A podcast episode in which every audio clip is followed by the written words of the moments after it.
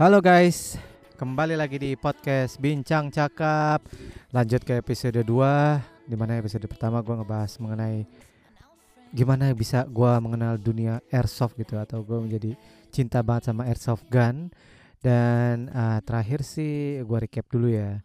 Gue belajar dari airgun Terus eh, gue belajar dari senapan angin Terus kenal airgun Terus akhirnya jual airgunnya beli ke airsoft gun Oke. Terakhir sih gue uh, episode pertama itu gue nyinggung di mana gue bisa main airsoft gun gitu kan. Nah sekarang kita lanjut ya. Terakhir itu gue ngejelasin bahwa gue itu ke Cijantung untuk main airsoft gun tapi nggak tahu itu harusnya ngapain gitu. Kita cuman tahu main uh, tembak-tembakan namanya tembak reaksi atau AIPSC cuman bener-bener uh, bingung gue harus ngapain gitu kan.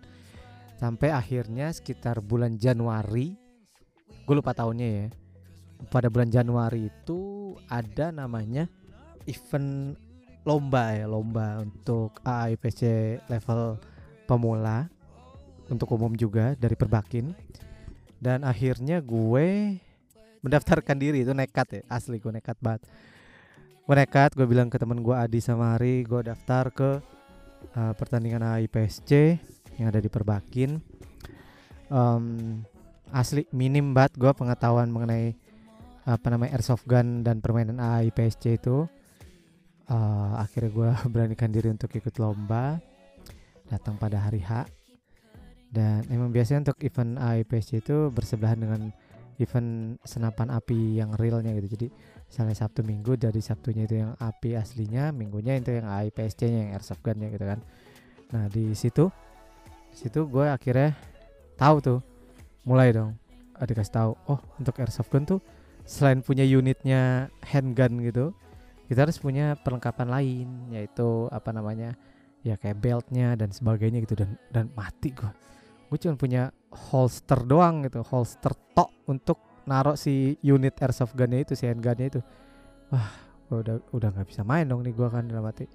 Ya untungnya ya yang namanya kalau hobi itu kita kalau ketemu sesama pecinta hobi itu pasti ada aja yang ngebantu kan. Ketemu juga sama pemula lain cuman yang uh, dia udah lebih tahu dulu mengenai IPSC akhirnya gue dikasih tahu oh ini pakai belt saya aja kita tuker pakai. Karena untuk IPSC itu uh, mainnya kan uh, tembak reaksi kita berpacu dengan waktu. Artinya uh, kita mainnya sendiri-sendiri cuman ya nggak nggak ada nggak dua orang sekaligus main gitu nggak ini individual gitu lawannya adalah waktu dan poin yang harus dicapai. Nah dari situ gue akhirnya kenal sama beberapa orang, dikasih tahu apa sih itu AIPSC, bagaimana cara mainnya. Akhirnya pada lomba itu ya gue bermain lah gitu ada ada berapa tuh lima stage apa tujuh stage gitu lupa itu kebagi tiga ada yang stage pendek, medium sama long. Nah si Ari karena tahu gue udah beneran ikut kompetisi itu dia akhirnya datang untuk apa namanya ngeliat ngeliat gue uh, bertanding lah ibaratnya cerita gitu. Itu asli itu itu dari berbagai daerah yang dari jauh-jauh pun datang ke situ itu karena emang event AIPS ini dulu tuh masih jarang gitu. Ya kalau dalam setahun bisa dihitung pakai jari lah ya. Ya jari maksudnya ya masih dalam 10 hitungan itu yang sepengetahuan gue akhirnya pada hari itu terjadilah sesuatu itu gue main AIPSC itu karena emang bener-bener gak punya pengalaman ya akhirnya gue mendapatkan DQ DQ karena gue nggak safety dalam bermain gitu karena dia IPSC itu yang paling penting adalah uh, safety gitu. Karena setelah dari levelnya IPSC ini memang sengaja dibiasakan dibiasakan safety karena ke depannya itu pasti akan berlanjut ke yang firearms yang real real weaponnya lah ibaratnya lah ya. Makanya harus dibiasakan diri yang safety-nya dulu. Dan ya udah akhirnya gue cuman main sekitar dua apa tiga stage gitu lupa gue dan gue di queue disqualify. Eh, nggak uh, bisa berlanjut uh, mengikuti pertandingan. Bahkan nama gue masuknya bukan list ranking tapi masuk list yang disqualified situ gue nggak nggak pantang menyerah ya gue malah wah ini seru banget ini apa AIPSC ini gitu. Akhirnya gue uh, ngasih tahu teman-teman gue ke Ari sama Adi untuk yuk ini ada permainan nih seru nih AIPSC gitu kan. AIPSC kita nembak. Udah tahu cara mainnya gue udah belajar caranya oh ini ada peraturan begini-begini. Terus cara buat stage-nya gue juga udah tahu akhirnya kita sering main di Cijantung karena di situ untuk peralatannya lengkap gitu. Karena kita juga di member juga di situ jadi anggota di situ dan kita sering main di situ. Bahkan kita nyari temen gitu selain kita siapa lagi gitu. Gue bukalah thread di uh, kaskus. Bukan buka thread sih ya lebih tepatnya kayak numpang thread yang sebelumnya udah ada cuman agak lama udah nggak di up akhirnya gue tulis lagi dengan kontak gue dan akhirnya ada yang kontak gue men. Adalah se seorang teman gitu jauh dari Bogor dia kontak wah mau dong join. Udah lama nih nggak main airsoft gun dia bilang itu oke join om. Kita kalau di airsoft gun itu kita biasa manggilnya om. Join lah dia. Kita main bersama tuh di Cijantung tuh. Rumahnya di Bogor ya kan? Lumayan jauh juga sih ke Cijantung. Wah nih orang bela-bela niat banget gitu. Dan dia selalu datang kalau dia bilang datang jam segini dia datang jam segini tepat banget gitu kan om ayo main. Nah dia pertama belum punya unitnya tuh. Oh belum punya gitu kan. Belum punya unitnya. Oh ya udah gua kasih tau gua kayak pinjemin dulu gua pinjemin dulu. Terus wah ini enak nih.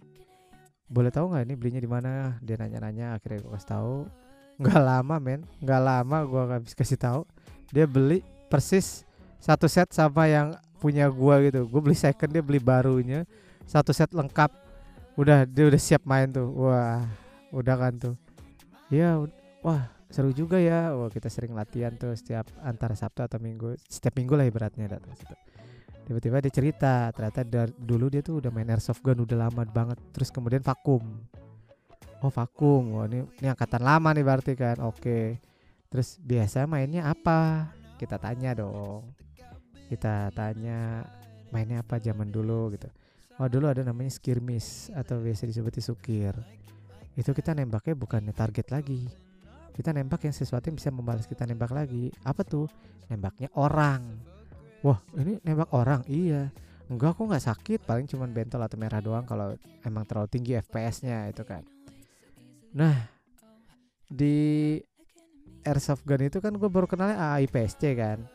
Akhirnya gue dikenalin sama uh, om ini untuk main skirmish. Tapi unit yang dipakai larasnya panjang. Kita apa namanya? Sedangkan gue punya laras pendek handgun lah ibaratnya kan untuk uh, tembak reaksi. Kalau mau harus laras panjang biar enak. Oke. Okay apa namanya kan itu yang gue pakai ini menggunakan tenaga gas kemudian dia mulai ngenalin ke gue airsoft gun yang menggunakan tenaga baterai uh, ke minggu depan kemudian dia baru beli itu untuk sukir juga. Eh enggak buat AIPSC tapi laras panjang. Itu gue inget banget mereknya itu aduh mereknya apa ya? Ah lupa gue mereknya apaan. Pokoknya itu laras panjang dan itu pakai baterai. Dan ketika gue sama temen gue semuanya megang men itu rasanya enak banget gitu. Apa ya? Ibaratnya kayak gini deh. Lo lihat mobil mobil udah udah tahu mobil lah mobil bentuknya begitu. Tapi pas lu pegang langsung itu rasanya kayak wah gila. Udah nih. Gue harus gue harus paling enggak kalau kalau mobil ya gue harus nyetir. Nah gue pas megang itu Wah gue harus main nih. Kita semua tuh tiga-tiga feelingnya kayak gitu. Kita harus main. Nggak peduli pokoknya harus main Gimana pun caranya harus punya yang kayak gini Kita main. Cari deh tuh. Dari situ tuh Kita punya handgun. Kita keep itu untuk secondary weapon kita. Kita cari primary weapon kita. Kita cari AEG Nah Akhirnya si kebetulan si Om ini ngejual unitnya karena dia mau beli unit yang lain. Dibelilah sama teman gue Ari. Sedangkan gue sama Adi teman gue satu lagi kita belum dapat unit. Akhirnya karena si Ari udah beli unit kan kita wah panas dong. Wah gila ntar dia main duluan. Nggak kita harus kompak kita harus main bertiga. Dia nungguin juga nyampe kita punya. Uh, untuk skirmish itu mainnya Sabtu Minggu dan itu memang waktunya salah satu hari itu doang gitu. Karena kita baru tahu satu tempat di Balitro itu di Bogor harinya hari Minggu gitu kan. Wah e, minggu lalunya kan kita habis dikenalin uh, itu kan unit laras panjang itu AEG si Ari langsung proses untuk beli. Sedangkan minggu depannya udah sukir tuh hari minggunya. Wah dari dari Senin sampai sebelum hari itu kita tuh cari unit tuh kan. Wah gimana ini? Akhirnya gue dapet dulu pertama. Gue dapet uh, untuk unit main sukir itu unitnya M47 inget banget itu gue beli itu unit uh, wahid lah ibarat gue beli. gue beli di Tokopedia. Itu masih rare. Dulu sih nggak rare ya. Sekarang tuh yang, yang itu unit jadi harganya mahal banget. Itu gue beli gope dulu itu aja gue beli gope terus dijual jadi 600 padahal second dijual 600 sudah dipretelin. Maksudnya udah scope gue jual terpisah ininya gue jual terpisah unitnya aja gue jual terpisah 600 total tuh kalau gue jual jadiin satu semua beli 500 gue jual 800 itu. Untung malah itu emang unit bagus banget itu. Itu hand apa itu shotgun yang menggunakan sistem spring. Artinya tuh uh, dikokang sekali terus tembak yaitu pakai manual pakai tangan lah. Kalau AEG kan pakai baterai bisa bisa full auto gitu. Jadi nggak perlu kokang satu kali tembak terus gitu enggak nah uh, sementara si Adi belum dapat unit uh, AEG-nya dia udah nyari-nyari nyampe wah pokoknya udah nyari-nyari mati-matian demi si hari Minggu itu. Kita bisa sukir bareng-bareng. Kita nggak mau tahu pokoknya hari minggu depan itu kita harus sukir bareng-bareng. Akhirnya ya karena gue nyari mati-matian gitu kan wah nih gimana nih? Di mana gue bisa cari lagi ah gue iseng cari lagi di kaskus kan gue buka thread lagi dan ternyata ada yang jual AEG wah pas banget nih. Gue tanya di mana? Oh di Bekasi. Nah di Bekasi salahnya lagi emang bodohnya gue gue nggak nanya Bekasinya Bekasi mana gitu kan. Bekasi daerah sini oke Bekasi daerah sini. Bekasi itu ada dua ada Bekasi Timur ada Bekasi Barat kan. Pertama gue nyampe yang paling jauh tuh eh pertama yang paling deket dulu Bekasi Barat kalau nggak salah ya ya kalau nggak salah Bekasi Barat. Pokoknya Bekasi yang paling dekat dulu. Mas saya udah di sini sini sini sini. Bener apa enggak? Oh bukan mas. Itu gue inget banget transaksinya hari hari Sabtu men. Minggunya sukir hari Sabtu gue transaksi. Harus dapat unit tuh gue bener-bener hari Sabtu gue datengin langsung tempat tempatnya. Bukan mas bukan di situ. Salah salah Bekasi gue akhirnya Bekasi yang timur atau barat gue lupa. Pokoknya Bekasi agak jauh lagi. Uh, sampailah gue sampailah gue di Bekasi timur kan eh timur apa barat sih? Ya pokoknya Bekasi yang paling jauhnya lagi deh. Ah terus gue bingung dong. Mas ketemunya di mana? Uh, di pinggir jalan aja. Oh ya udah oke. Okay. terus abis itu gue bingung dong daerah Bekasi. Gue gue, nunggu di mana gitu. Akhirnya gue bener di pinggir jalan kayak ada di buletan gitu. Gue tungguin oh bentar ya mas soalnya saya agak jauh nih habis dari nganterin orang tua. Dia bilang oh iya nggak apa-apa mas saya tunggu. Gue bilang gitu kan kita by telepon aja tuh oh gue tungguin di pinggir jalan nggak taunya dia bawa mobil juga pas bawa mobil oh dia berhenti kan mas dari tadi nunggu di sini iya sampai saya ketiduran gue bilang gitu kan emang agak lama juga sih ya Habis itu, wah kalau gitu jangan di sini mas. Emang kenapa? Emang gue tunggu itu di tempatnya sepi kan, asli itu sepi. Terus yang bikin gue jiper sih pas dia ngomong begini, mas harusnya jangan nunggu di sini. Kenapa? Di sini sering ada begal sama perampokan mas. Ayo ikut saya aja ke tempat yang ramai dikit. Asli gue, uh, kayaknya gue kalau beli unit airsoft tuh ada ceritanya ya.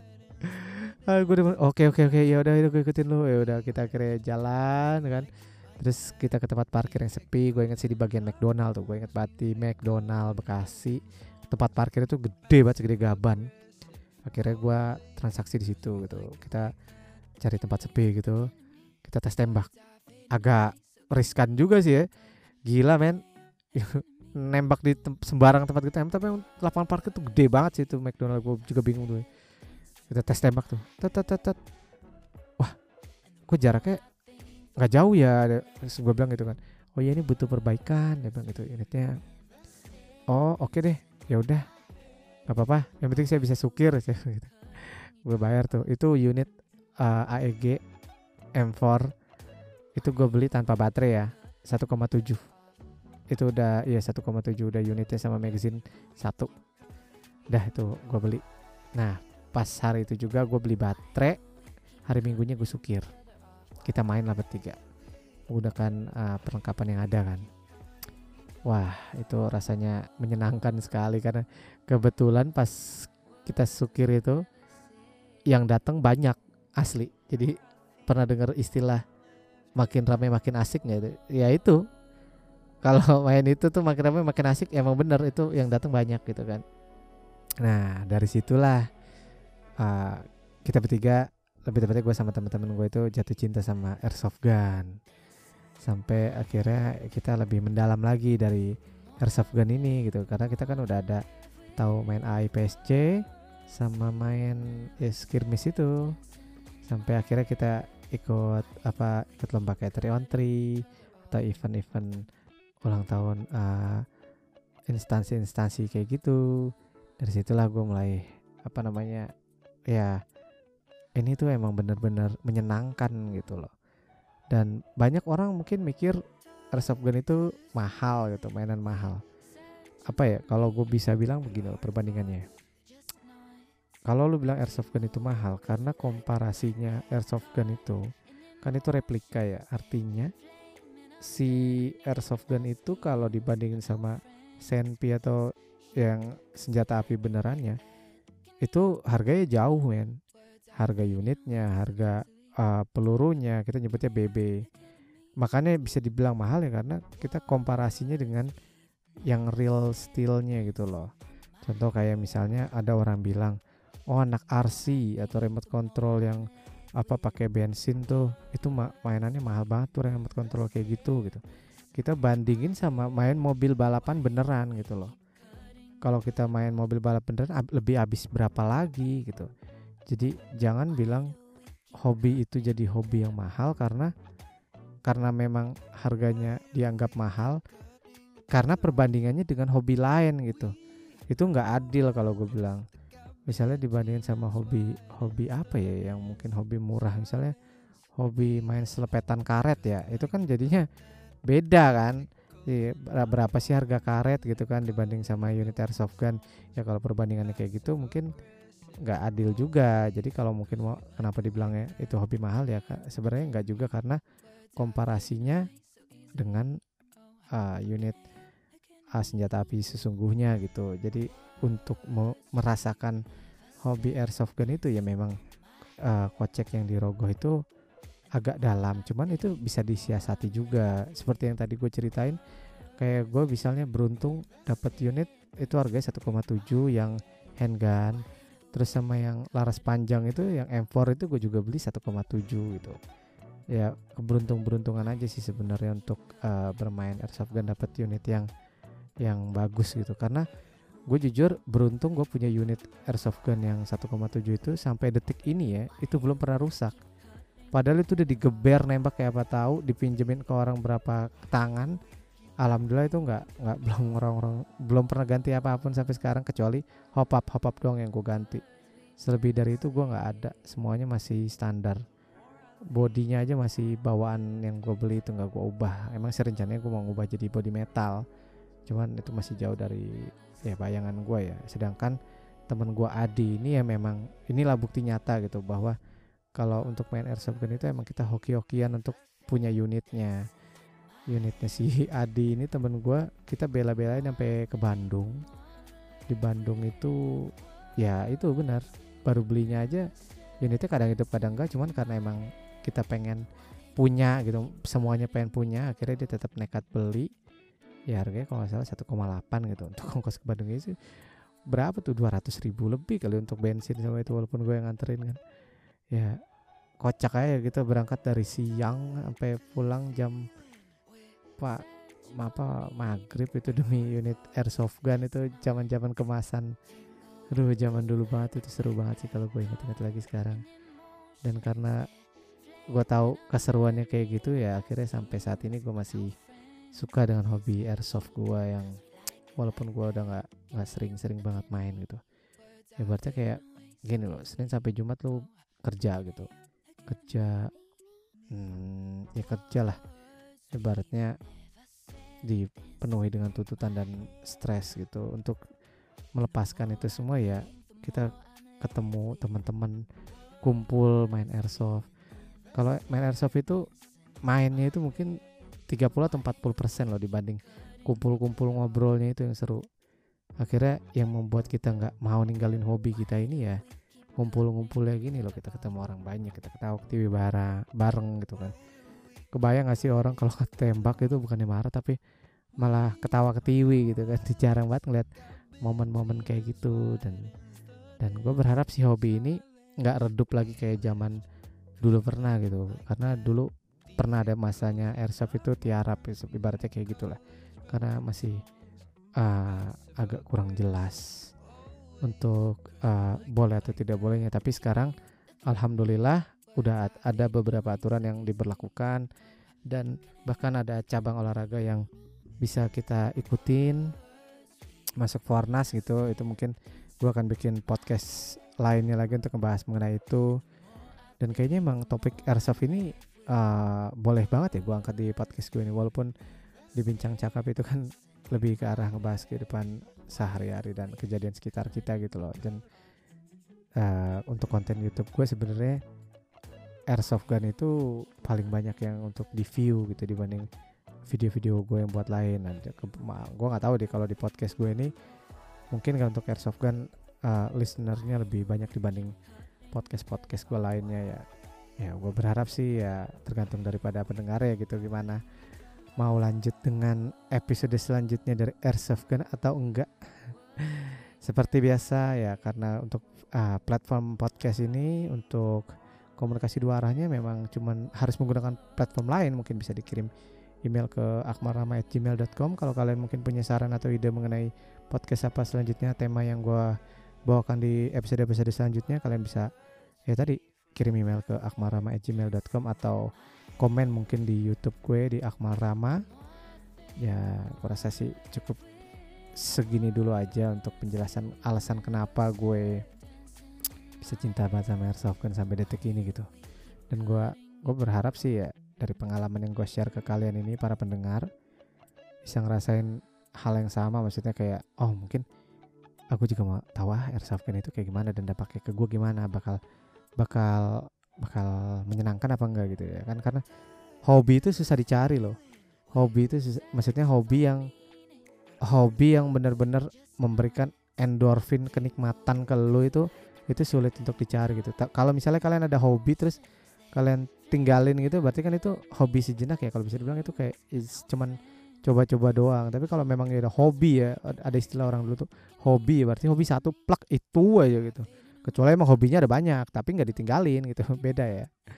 Jadi ya gue berharap dengan adanya podcast mengenai airsoft ini airsoft dan Indonesia menjadi lebih maju lagi baik dari apa namanya banyak penggunanya yang lebih bertanggung jawab dan juga lebih dikenal masyarakat dengan nama baik bukan nama yang jelek kayak ergan atau yang lainnya gitu. Jadi ya hilanginlah berita-berita miring mengenai airsoft gun oke okay, so thank you so much for listening. Gue Akmal Rama Andika. Gue rasa cukup sampai sekian dulu podcastnya. Sampai jumpa di episode episode selanjutnya oke? Okay? bye